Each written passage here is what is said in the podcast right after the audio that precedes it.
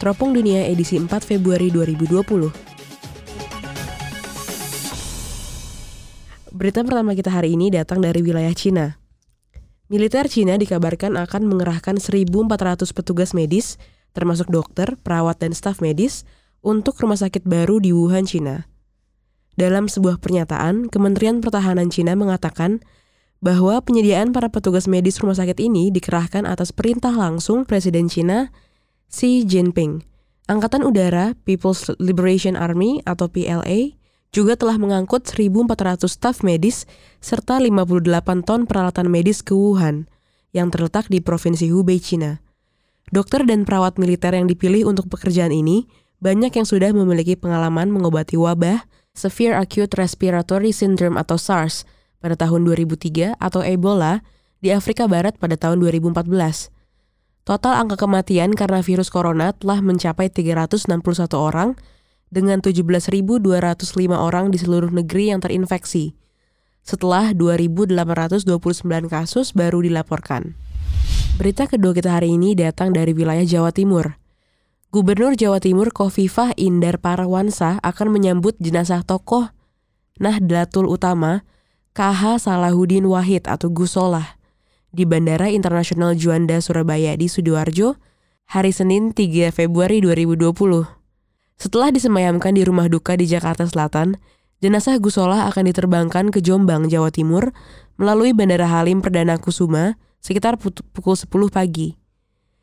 Jenazah diterbangkan menggunakan salah satu pesawat milik grup Lion dan dijadwalkan tiba di Bandara Juanda Surabaya di Sidoarjo sekitar pukul 11.30.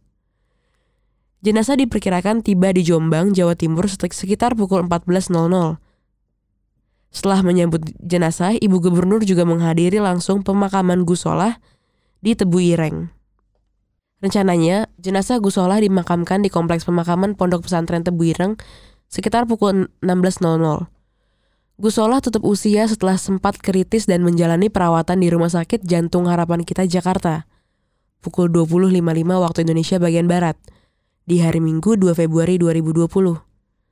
Putra Gusolah, Irfan Wahid, menuturkan ayahnya mengalami komplikasi sakit jantung setelah sempat menjalani perawatan di Rumah Sakit Harapan Kita. Ada masalah di jantung, ada cairan di selaput jantung dan dioperasi pada Jumat 31 Januari 2020. Kata Ipang Wahid. Sebelumnya, Gubernur Jawa Timur Kofifah Indar Parawansa menyampaikan bela sungkawa atas meninggalnya KH Salahuddin Wahid Pria yang akrab disapa Gusolah ini meninggal pada usia 77 tahun.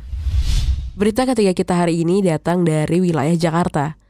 Bank Indonesia atau BI dan Bank Sentral Filipinas atau BSP atau Bank Sentral Filipina menyepakati kerjasama di bidang sistem pembayaran dan inovasi keuangan digital untuk memperkuat hubungan bilateral kedua bank sentral.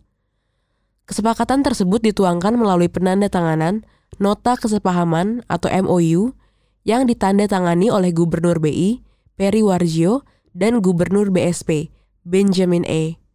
Di tengah pertemuan bilateral antara BI dengan BSP pada Senin di Manila, Filipina. Kesepakatan ini melengkapi kerjasama BI dan BSP sebelumnya terkait anti pencucian uang dan pencegahan pendanaan terorisme atau APU PPPT di bidang sistem pembayaran dan penyelesaian akhir pada 2018 lalu. Direktur Eksekutif Departemen Komunikasi Bank Indonesia Oni Wijarnorko menjelaskan kesepakatan ini menandai langkah konkret kedua bank sentral menuju keuangan inklusif melalui kerjasama dan pengembangan sistem pembayaran dan keuangan digital.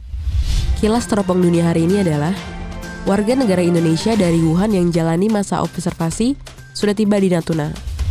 Komisi 9 DPR raker dengan Menkes terawan bahas pencegahan virus corona. Di sidang MK, pemerintah sebut Dewan KPK tak bertentangan dengan hukum anti korupsi.